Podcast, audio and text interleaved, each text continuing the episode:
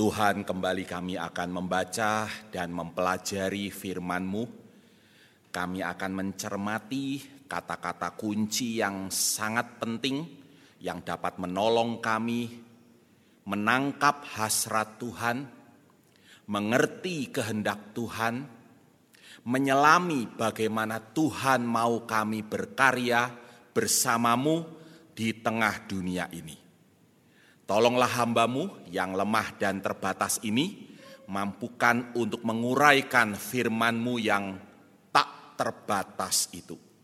Dan kiranya kami semua mengalami karya pembaruan oleh kuasa firman dan roh kudusmu.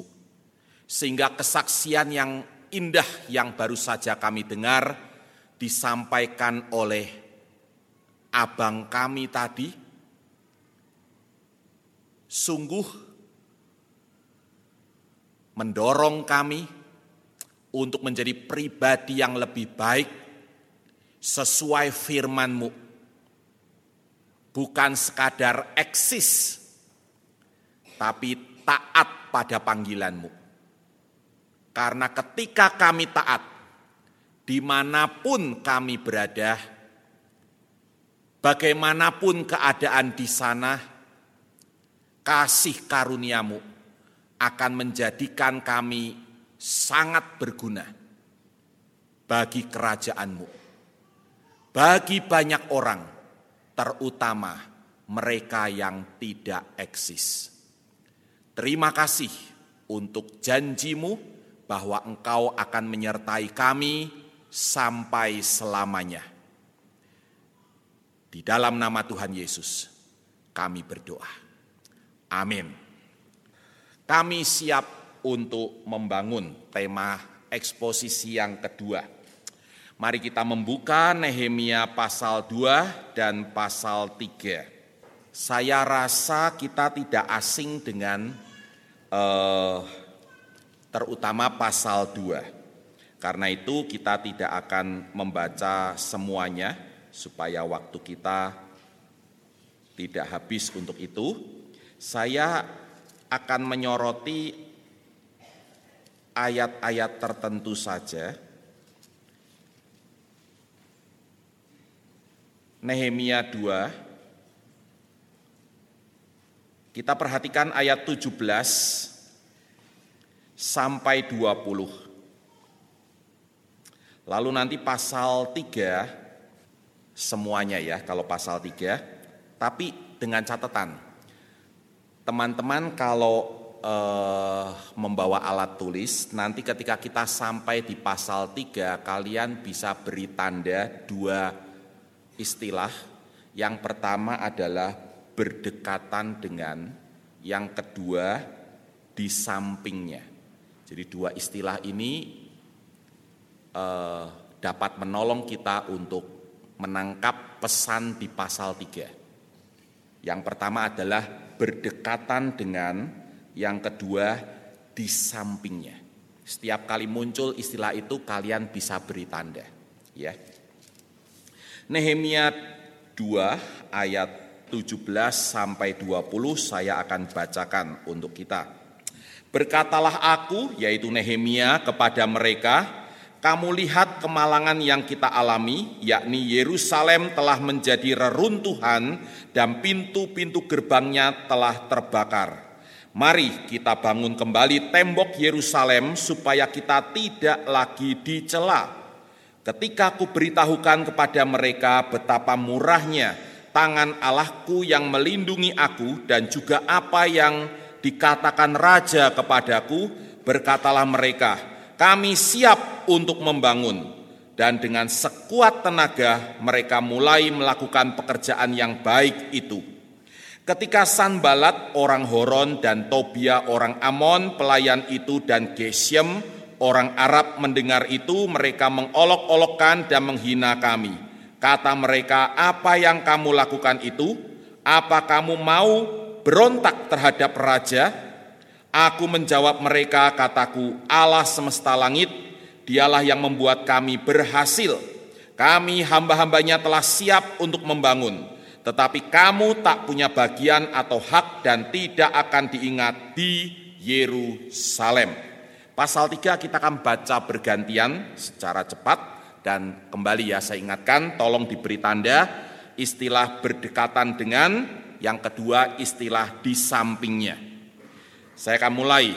Maka bersiaplah imam besar El Yasib dan para imam saudara-saudaranya lalu membangun kembali pintu gerbang domba. Mereka mentahbiskannya dan memasang pintu-pintunya. Mereka mentahbiskannya sampai menara Mea, menara Hananeel.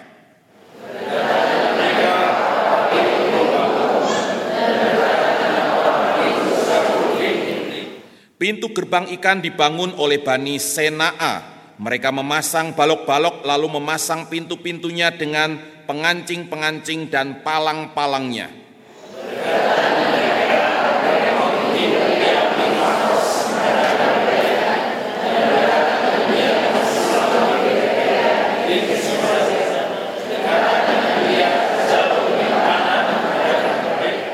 dan berdekatan dengan dia orang-orang Tekoa.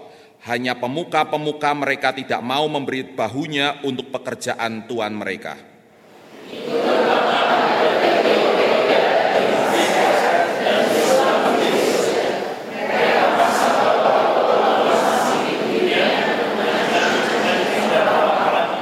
Berdekatan dengan mereka Melaca, orang Gibeon dan Yadon, orang Meronot, mengadakan perbaikan beserta orang-orang Gibeon dan Mitzpah yang berada di wilayah kekuasaan bupati daerah sebelah barat Sungai Efrat.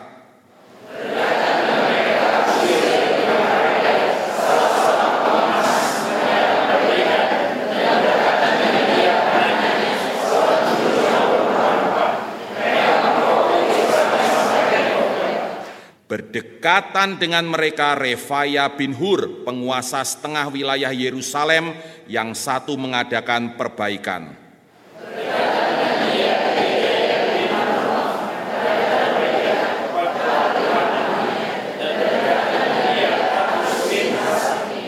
Malkia bin Harim dan Hasub bin Pahat Moab memperbaiki bagian yang lain dari menara perapian.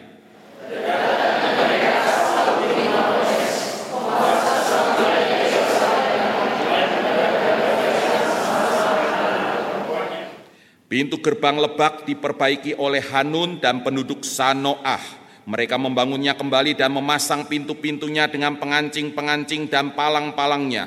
Pula tembok diperbaiki sepanjang seribu hasta sampai pada pintu gerbang sampah.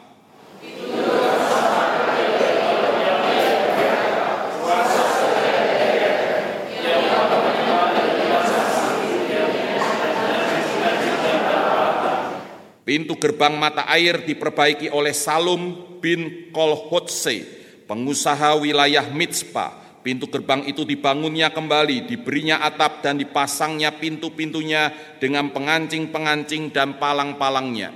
Juga diperbaikinya tembok kolam penampung air saluran dekat Taman Raja sampai pada tangga-tangga yang menurun dari kota Daud.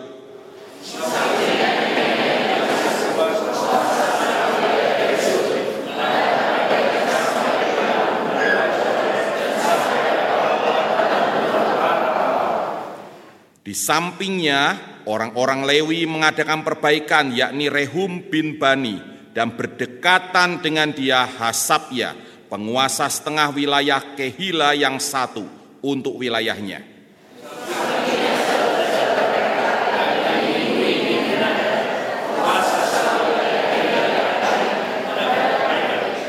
Berdekatan dengan dia Etser bin Yesua, pengusaha, penguasa Mitzpah, memperbaiki bagian yang berikut di depan pendakian ke gudang senjata dekat sudut.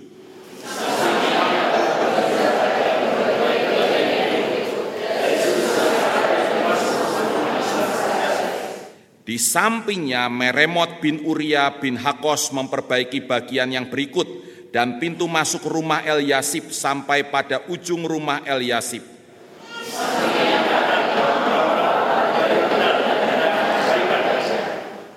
Di samping mereka Benyamin dan Hasub mengadakan perbaikan di depan rumah mereka. Di samping mereka Atsaria bin Maasea bin Ananya mengadakan perbaikan di samping rumahnya.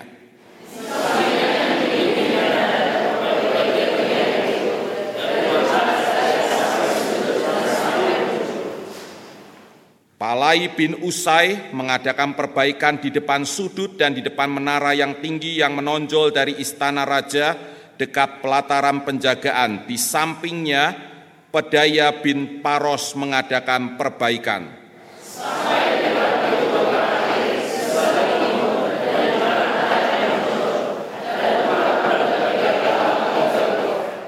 Di samping pedaya, orang-orang Tekoa memperbaiki bagian yang berikut dari depan menara besar yang menonjol itu sampai tembok oval.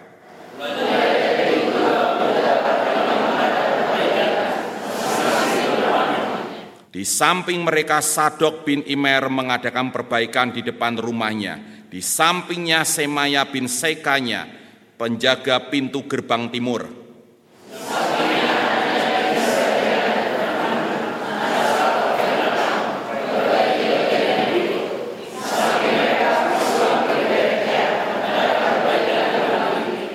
Di sampingnya Malkia, seorang tukang emas, mengadakan perbaikan sampai pada rumah para budak di bait Allah dan para pedagang di depan pintu gerbang pendaftaran dan sampai pada kamar atas di penjuru.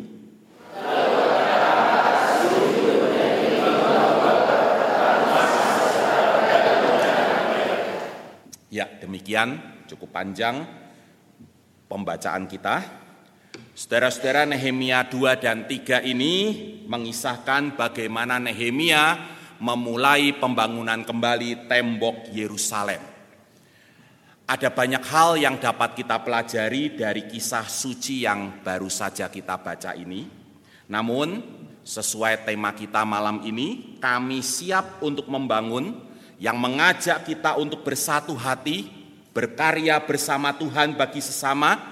Saya memilih untuk menyoroti pasal 2 khususnya ayat 17 sampai 18 dan rumusan yang tadi saya sudah sampaikan berdekatan dengan dan di samping. Di pasal 3 hampir di setiap ayat ya hanya beberapa ayat saja yang tidak memuat istilah-istilah ini Harapan saya semoga batin kita disinari oleh firman ini dan kemudian tema kami siap untuk membangun atau bersatu hati, berkarya bersama Tuhan demi sesama, ini menjadi semangat kita dalam mengikuti KTA KTA ke-14 dan dalam hidup kita selanjutnya.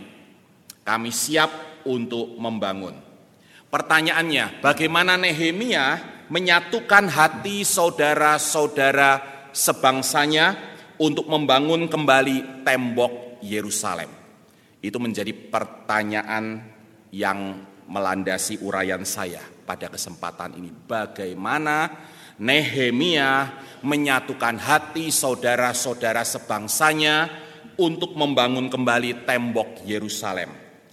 Ada tiga jawaban bisa kita temukan dalam bagian ini. Yang pertama, dengan mengajak mereka bermusyawarah demi mufakat. Berembuk untuk mencapai kata sepakat.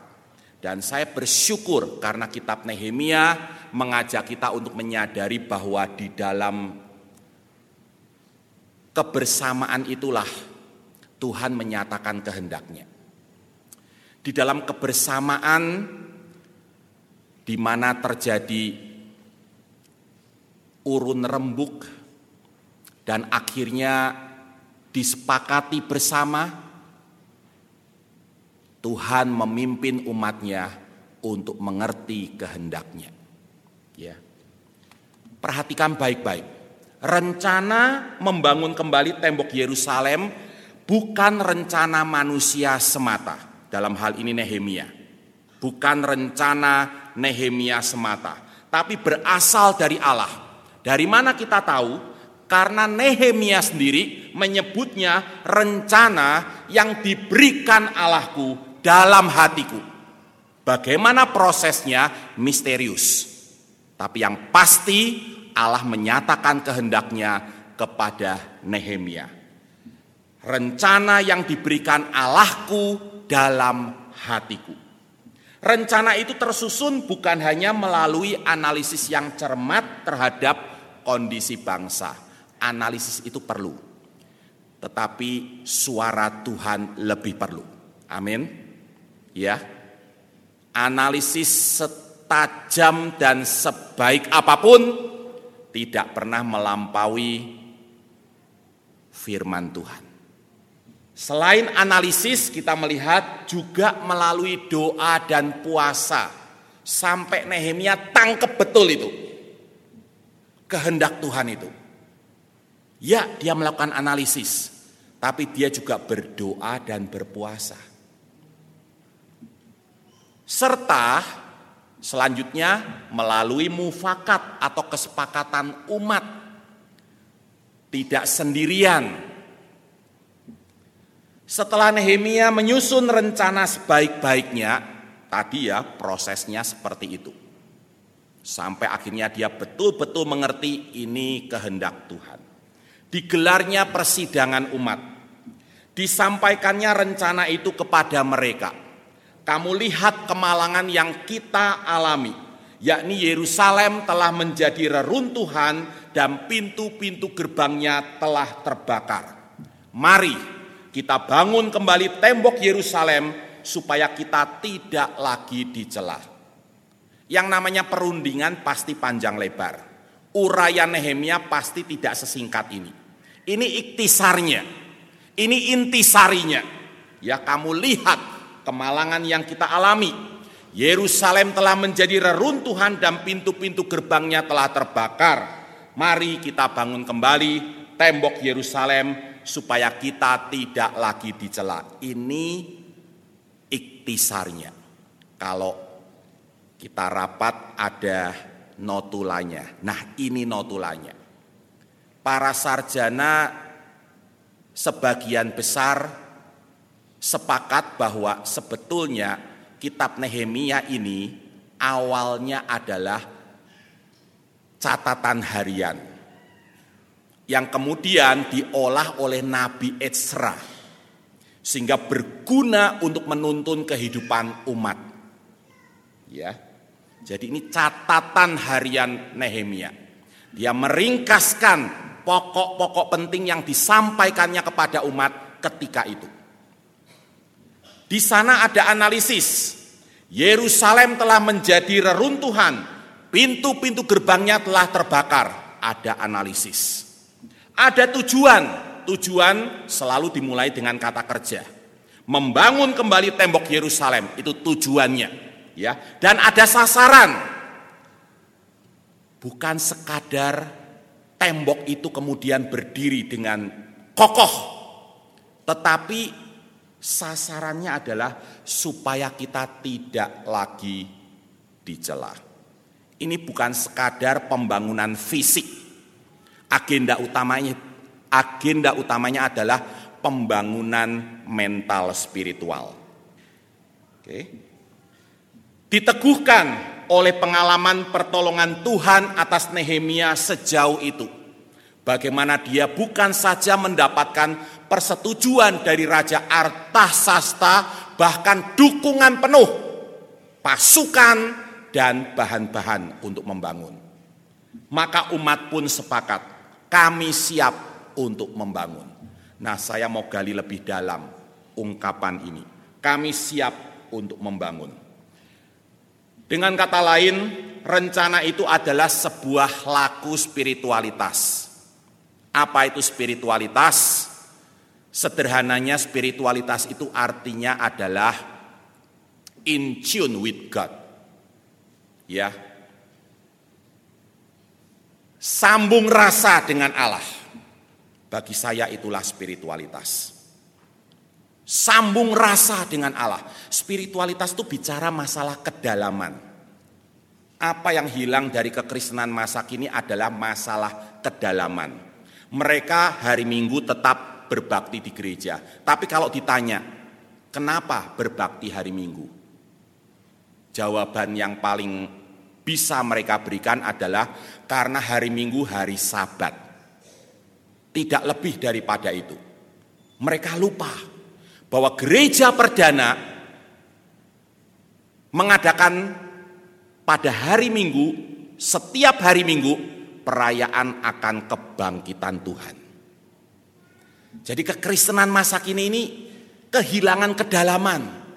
Spiritualitas bicara masalah kedalaman. Sambung rasa dengan Allah. Rencana ini kata Nehemia bukan berasal dari diriku. Ini ditaruh Tuhan di hatiku. Itu spiritualitas. Ya, bicara masalah kedalaman. Atau kalau bahasa kerennya itu waskita. Kalau dalam kamus besar itu, ya, tajam penglihatan. Dan ini sifatnya komunal, bersama. Bersama. Pencarian dan penemuan bersama akan kehendak Tuhan. Dan menurut saya itulah hakikat persekutuan. Kita bersekutu itu bukan hanya untuk senang-senang, betul enggak? Tapi untuk bersama menggumuli firman Tuhan, terjadi interaksi di antara kita, bagaimana yang satu dan yang lain memahaminya, kemudian kita sinergikan itu, bergumul bersama, dan kita sepakati apa yang Tuhan kehendaki. Itu yang pertama. Yang kedua, apa yang Nehemia lakukan untuk menyatukan hati saudara-saudara sebangsanya untuk membangun kembali tembok Yerusalem dengan mengajak mereka melaksanakan mufakat atau apa yang mereka sepakati itu. Kembali kepada tanggapan umat tadi, saya mau gali lebih dalam ini. Kami siap untuk membangun. Kalau kita cermati, menurut teks Ibraninya, kalimat ini bernuansa ajakan.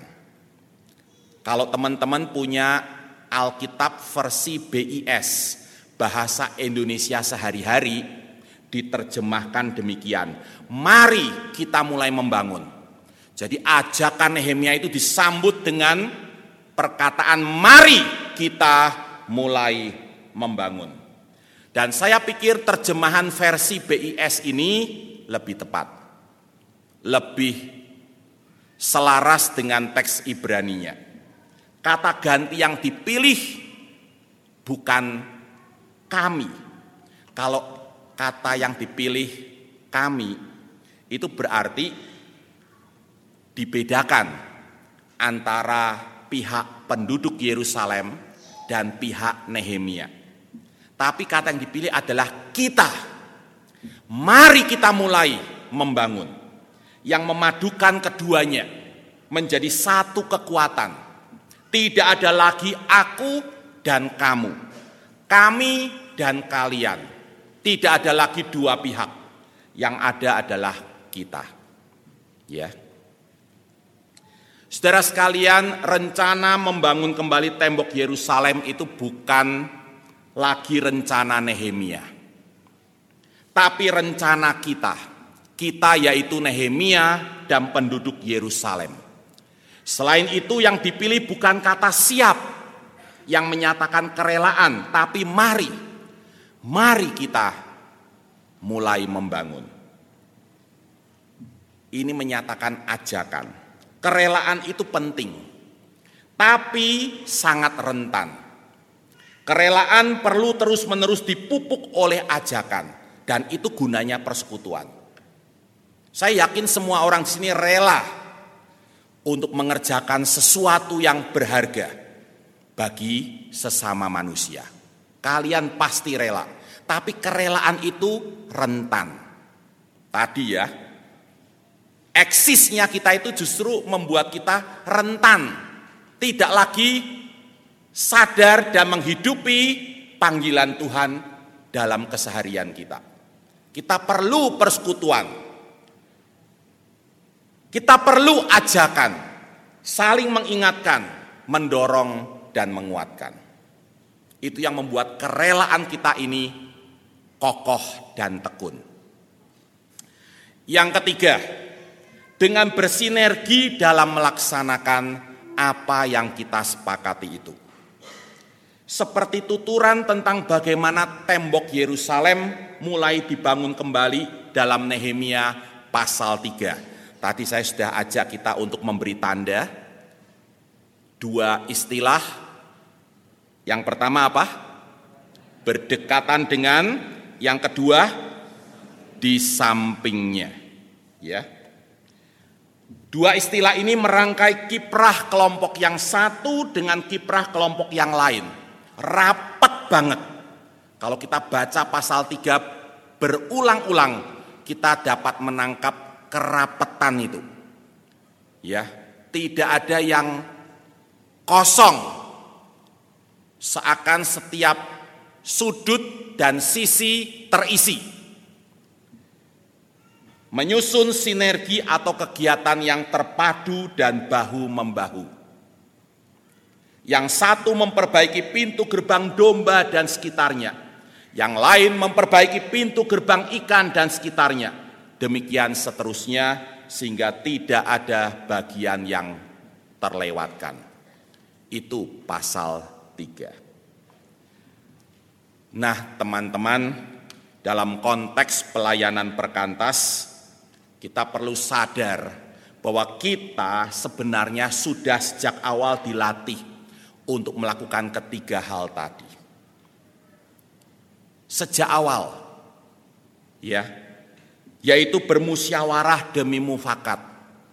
Itu kan PA, betul nggak? Ber-PA. Kita menggali firman Tuhan. Yang satu punya pendapat A, yang lain punya pendapat B, yang lain lagi pendapat C. Kita bergumul dengan A, B, dan C itu dan kita menemukan titik temunya di dalam kerendahan hati melalui doa kalau perlu puasa. Melaksanakan apa yang kita sepakati bersama, proyek ketaatan, betul enggak? Bersinergi dalam melaksanakannya. Kalau yang satu lupa diingatkan, yang lain butuh bantuan didampingi. Belajar memberitakan Injil tidak langsung sendiri, tapi ada temannya. Bersinergi. Kita belajar ini semua di KTB. Kita kenal KTB singkatan apa, teman-teman? Kelompok tumbuh bersama. Tapi malam ini saya mau supaya kita mungkin sebagian besar di antara kita sudah tidak lagi ber-KTB seperti pada waktu masih mahasiswa atau mahasiswi. Tapi biarlah kebersamaan kita menjadi KTB tersendiri. Kebersamaan kita. Kita mungkin tidak lagi bertemu rutin tiap minggu atau dua minggu sekali. Tapi mari kita manfaatkan saat-saat pertemuan kita atau acara-acara kebersamaan kita sebagai ajang KTB. KTB itu singkatan apa? Yang pertama, kami tambah baik. Usahakan kalau kita bersama, kita ini saling menguatkan supaya satu sama lain jadi tambah baik. Amin. Kami loh, bukan saya. Kami berarti kan bersama ya. Kami tambah baik. Bukankah itu yang kita cita-citakan dulu waktu kita ber-KTB di kampus? Betul enggak para pemimpin KTB ingin setiap anggotanya tambah baik. Yang kedua, KTB itu singkatan dari apa? Kami tambah benar. Baik belum tentu benar. Ada orang tua yang baik sama anaknya, anaknya minta apa saja dikabulkan. Akhirnya anaknya berperilaku enggak benar. Ya. Kami tambah benar. Firman Tuhan menjadi landasan. Pertemuan-pertemuan kita harus mewacanakan firman Tuhan. Kalau kita ngobrol ini loh, teman-teman, Mari kita sampaikan firman Tuhan. Tidak perlu ayat hafalan ya. tetapi nilai-nilai kasih, kebenaran, keadilan, kesucian, bela rasa, belas kasihan, pengampunan kita terus suarakan di dalam pertemuan-pertemuan kita sehingga kita atau kami tambah benar. Kalau kita ketemu tambah rusak, mendingan nggak usah ketemu kan? Ya. Kalau kita ketemu, hendaknya tambah baik, tambah benar. Itu KTP. Dan yang ketiga, tambah berguna. Maka saya bersyukur kesaksian dari abang kita tadi, abang Man, Manix ya Wah, saya tahu. Enggak ada asiknya itu di Papua. Kalau cuma seminggu sih asik ya, Bang ya. Pemandangannya oke, tapi coba lebih dari seminggu. Lebih dari sebulan. Kita pasti rindu kembali ke kota besar dengan mall 21, XX1 ya. Di sana mau nonton apa ya, Bang ya?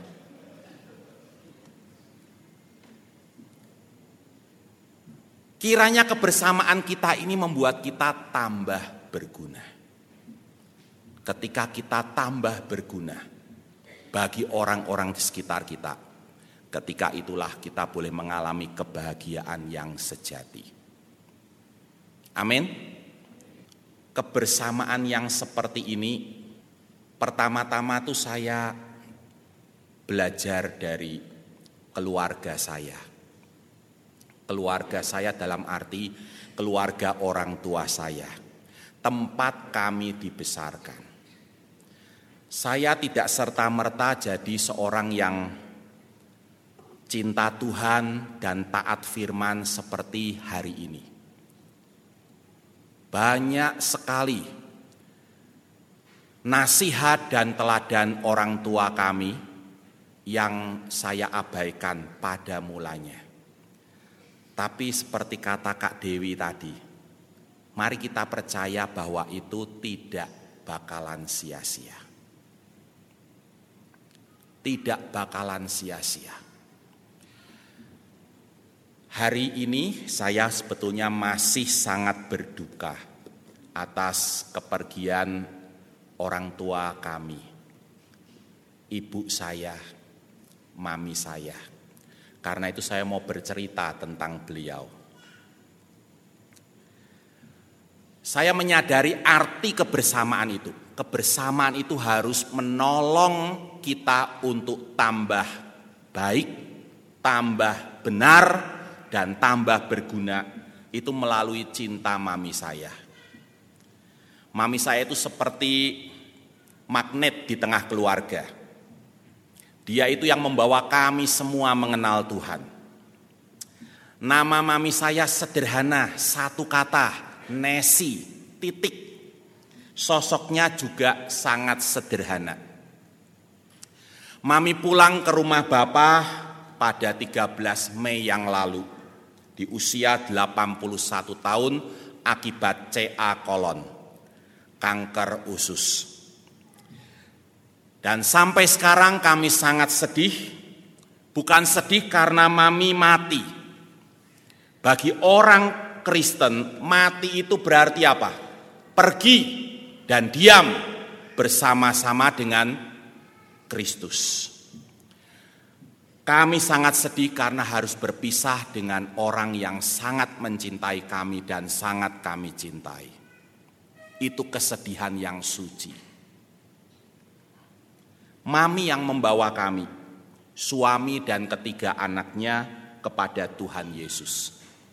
Selama 15 tahun mami mendoakan kami, 15 tahun.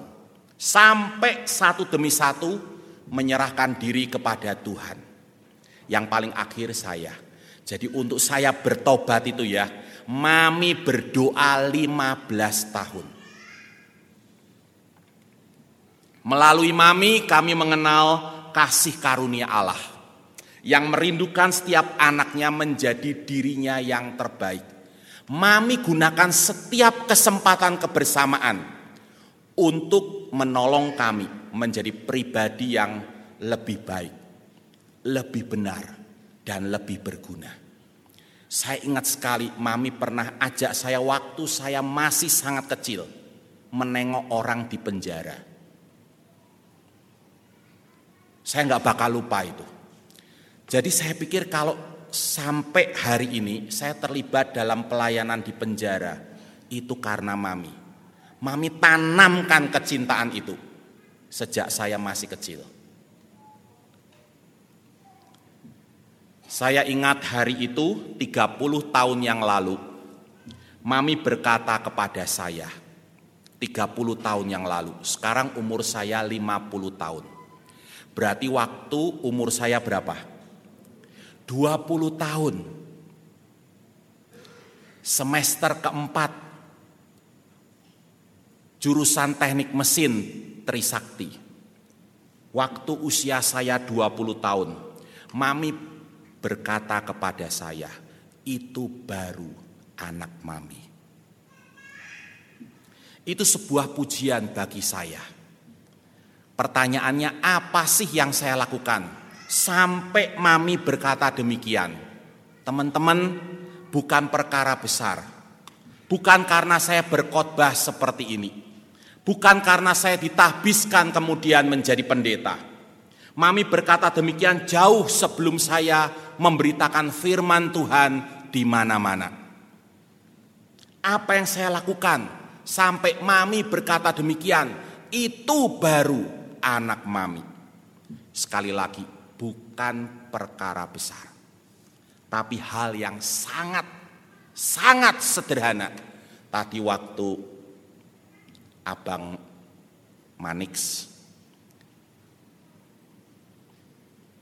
bersaksi saya hampir meneteskan air mata. Karena terharu. Karena apa yang disampaikan Bang Manix tadi, itu yang bikin mami saya berkata, itu baru anak mami. Hari itu 30 tahun yang lalu sejak ikut KTB Mami melihat saya mulai belajar bersaat teduh membaca Alkitab dan berdoa. Apa yang sebelumnya nyaris tidak pernah saya lakukan. Dan hari ini saya melihat banyak alumni Kristen tidak lagi melakukannya. Saya tadi cerita sama Bang Sagala. Bang, di daerah banyak alumni kita terancam perceraian.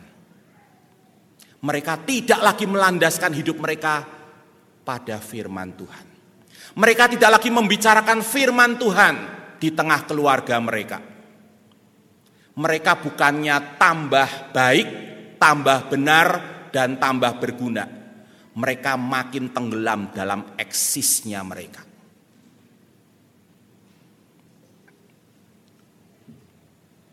Membaca Alkitab dan berdoa Sesederhana itu. Dan itu sudah membuat mami saya itu senang dan bangga akan saya. Sampai berkata, itu baru anak mami. Saudara-saudara, jika mami ibu saya di dunia ini saja merasa senang dan bangga akan kemajuan saya, apalagi Allah yang di Alkitab itu dilukiskan bukan hanya sebagai Bapa, Maha Ayah, tapi juga sebagai Ibu, Maha Ibu. Aku menggendong kamu sampai masa tuamu. Dia tentunya rindu saya menjadi diri saya yang terbaik. Bukan menjadi bangsa gala. Saya bukan bangsa gala Bangsa Gala itu seorang orator. Kalau saya khotbah saya harus ada teksnya. Bangsa Gala sudah tahu ini sejak dulu. Ya. Saya kalau berkhotbah saya harus punya teks. Kalau tidak saya bingung harus bicara apa. Tapi saya berupaya selalu memberikan yang terbaik. menjadi diri kita yang terbaik. Itu kerinduan hati Tuhan.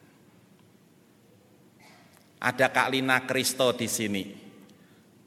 Dulu waktu pertama kali menyampaikan eksposisi satu Korintus karena bangsa Gala berhalangan datang di rumah hantu Jalan Keramat 7. Ya, padahal waktu itu belum satu tahun saya di Bangsa Gala pesan, sebelum satu tahun nggak boleh khotbah.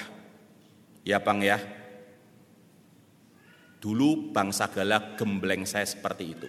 Satu tahun kerjamu belajar. Setelah satu tahun boleh khotbah. Tapi belum satu tahun terpaksa khotbah karena beliau berhalangan hadir.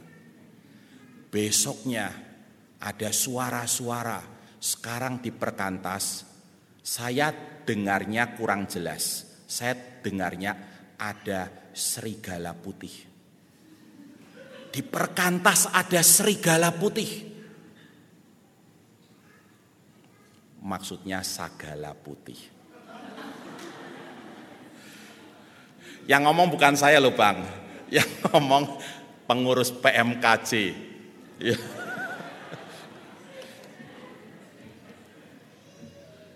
Tentu Tuhan ingin kita maju menjadi pribadi yang lebih baik lebih benar, dan lebih berguna. Itu arti kebersamaan kita.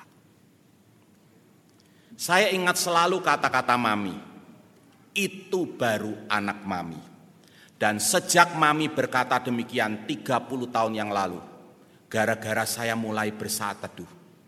Sejak saya dengar ucapan itu, saya berjanji sama Tuhan Tuhan saya akan berupaya sebaik-baiknya untuk menjadi diri saya yang terbaik. Dan janji itu saya pegang sampai hari ini. Supaya Tuhan dan Mami senang. Saya percaya Mami lihat saya dari sorga. Akhir kata, satu hari bersama kalian saya sangat bersyukur. Biasanya saya ikut KTA beberapa hari, kali ini cuma sehari. Tapi saya sangat bersyukur. Selain berbagi firman dan pengalaman dengan saudara-saudara, saya bisa berjumpa kembali dengan abang-abang dan kakak-kakak saya. Mereka ini menolong saya memahami arti kebersamaan bersama menggumuli firman Tuhan. Menangkap kehendak Tuhan. Bersama sepakat melaksanakannya. Dan saling bahu-membahu. Di tengah segala kelemahan yang ada. Itu pesan dari Nehemia 2 dan 3. Dan terakhir saya semakin bersyukur karena mendapati di tempat ini perkantas tetap perkantas. Ini singkatan terakhir dari saya malam ini. Perkantas tetap STMJ. Apa itu STMJ? Sederhana. Tulus. Jujur. Dan militan. Terima kasih Kak Dewi Bang Manix. Kalian mewakili perkantas. Sederhana, tulus, militan, dan jelas. Jelas apanya? Pesan saya sederhana, kiranya perkantas tetap perkantas, tetap STMJ. Sederhana, tulus, militan, dan jelas. Jelas mengerjakan misi Allah, menyelamatkan dan membarui kehidupan manusia berdosa. Jelas itu misi yang Tuhan percayakan kepada kita. Amin. Sehingga ke mana pun Tuhan mengutus kita dalam keadaan apa pun. Kita siap dan kita saling mendukung. Betul, Bang Manix perlu dukungan.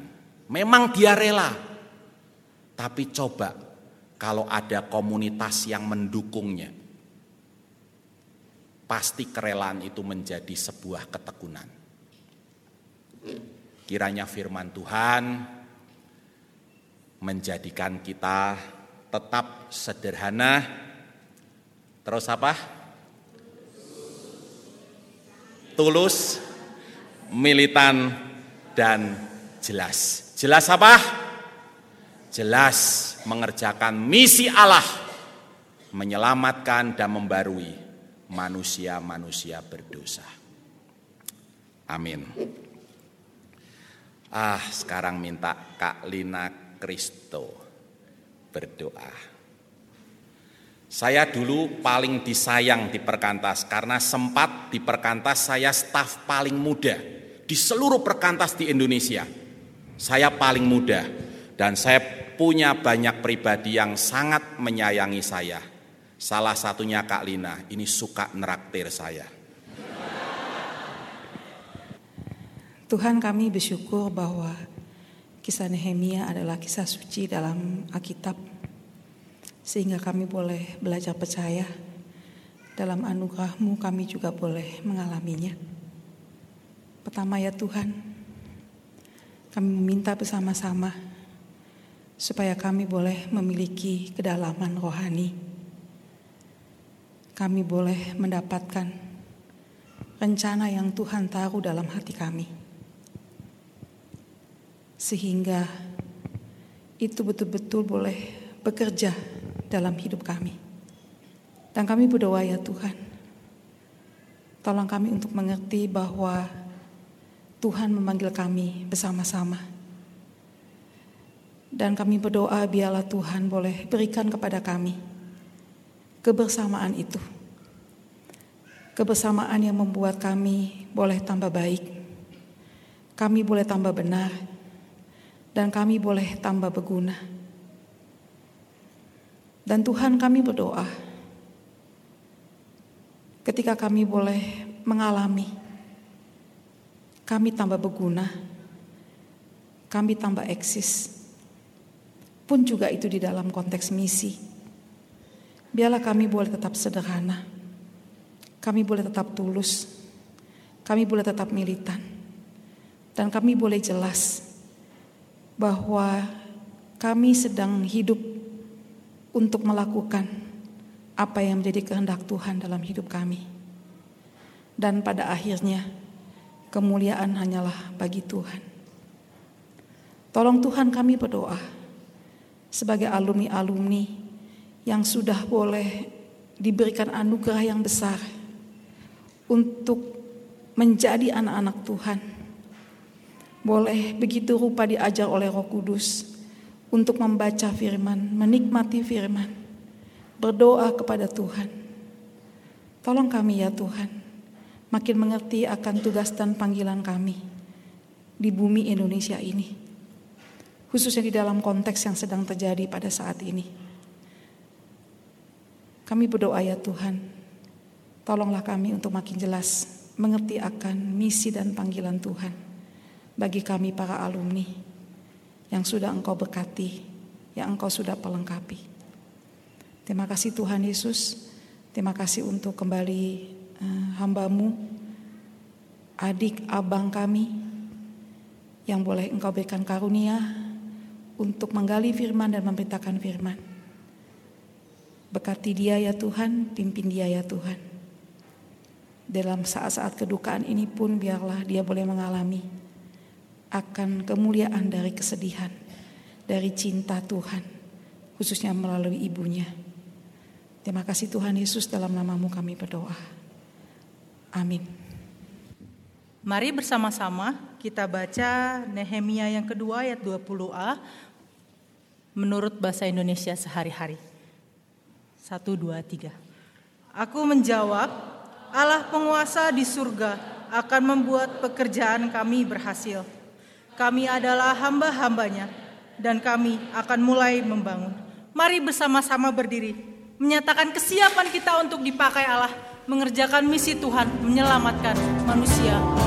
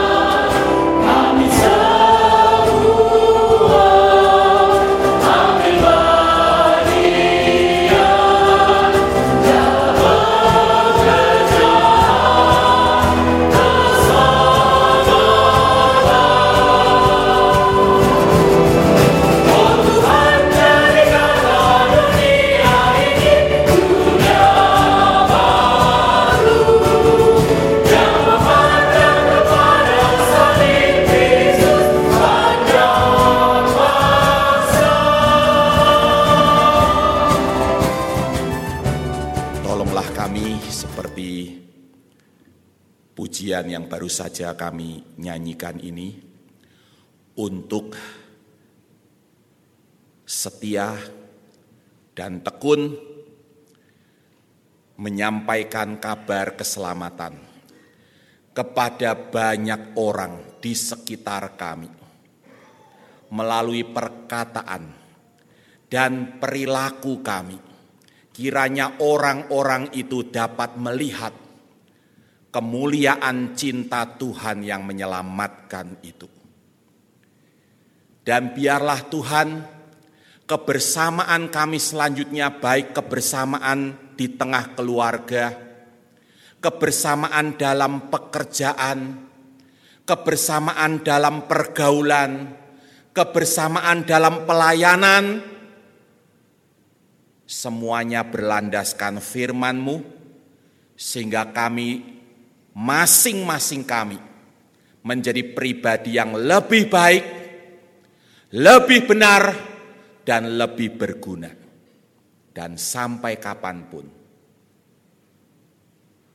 kami boleh tetap sederhana, tulus, militan, dan jelas mengerjakan misi Allah sampai akhir hayat kami. Terima kasih Bapak untuk persekutuan yang indah sekali. Kami percaya bahwa kebersamaan kami di tempat ini selama beberapa hari KTA ke-14 ini takkan sia-sia. Mungkin di antara kami ada pasangan-pasangan suami istri yang hubungan satu sama lain sedang tidak baik ada konflik, ada ketidakcocokan, ada kemarahan, bahkan mungkin kebencian. Tapi biarlah melalui kebersamaan ini, di tengah kebersamaan ini, hubungan-hubungan itu diperbarui. Hubungan-hubungan itu dipulihkan.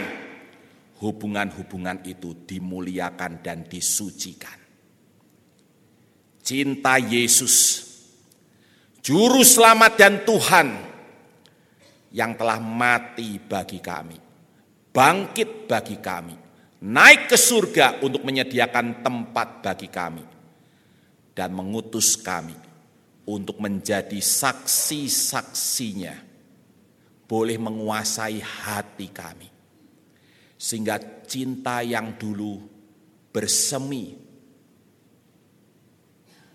menyatukan kami dalam relasi suami istri. Kembali bangkit, berkobar, dan terjadilah pembaruan di tengah keluarga kami. Terima kasih Bapak. Jadikanlah kebersamaan ini kebersamaan yang bersemangat KTB. Kami tambah baik. Kami tambah benar. Kami tambah berguna. Semua demi kemuliaan Allah Bapa.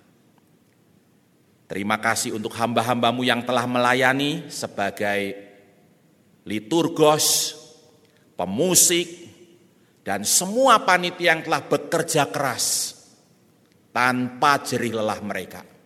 Kami tidak bisa menikmati kebersamaan yang indah ini.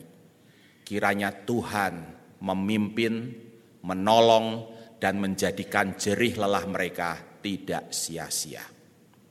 Di dalam nama Tuhan kami Yesus Kristus, kami bersyukur dan berdoa. Amin.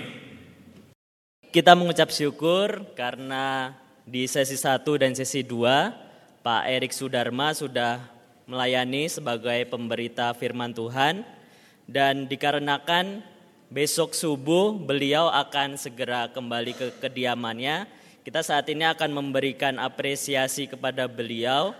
Dimohon kepada Bang Eli Yunus untuk menyampaikan apresiasi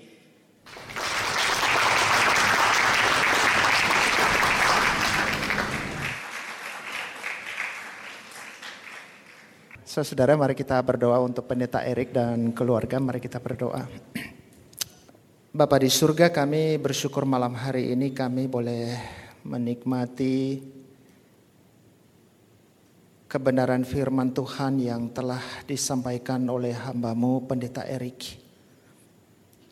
Bukan hanya kebenaran yang dia ketahui, tetapi kebenaran yang telah dia alami. Dan telah tertanam di dalam hidupnya puluhan tahun dan dari kesaksiannya adalah itu tumbuh dari satu kerinduan orang tua, ibu dan ayah mereka yang mereka kasihi.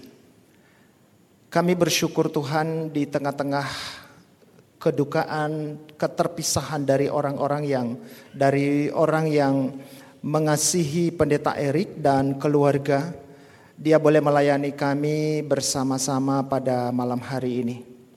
Dan saat ini kami berdoa menyerahkan ke dalam tanganmu hambamu.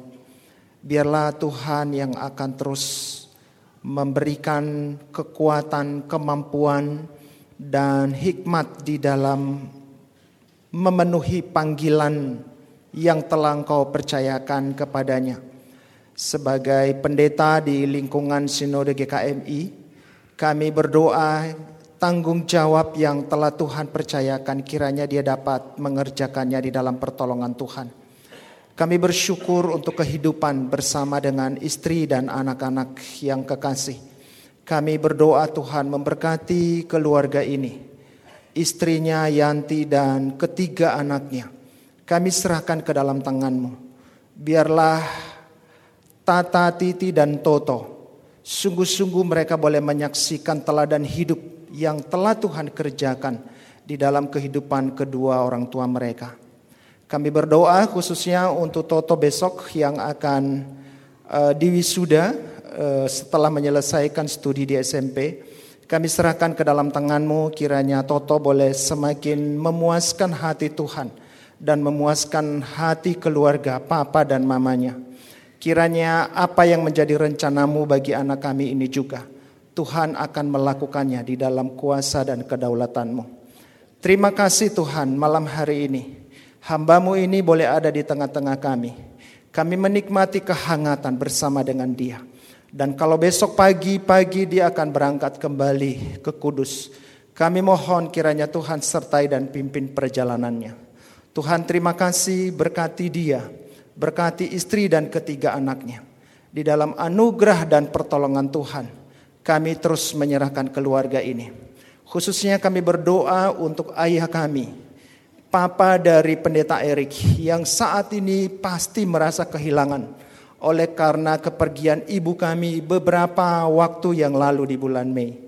Sungguh hanya Tuhan yang dapat memelihara, menjaga, dan memberikan kenyamanan di tengah-tengah keterhilangan belahan jiwanya. Kami serahkan ke dalam tanganmu orang tua kami. Kiranya Tuhan yang hadir dalam hidupnya dan dapat mengelola segala kesedihan dan keterhilangan oleh karena kepergian ibu kami yang kami kasihi. Terima kasih Tuhan, inilah doa dan permohonan kami. Terpujilah Engkau atas segala perbuatanmu bagi keluarga Erik, bagi hambamu ini untuk selama-lamanya. Dalam nama Tuhan Yesus kami berdoa dan mengucap syukur kepada Tuhan. Amin. Kami satu, kami maju membangun kerajaan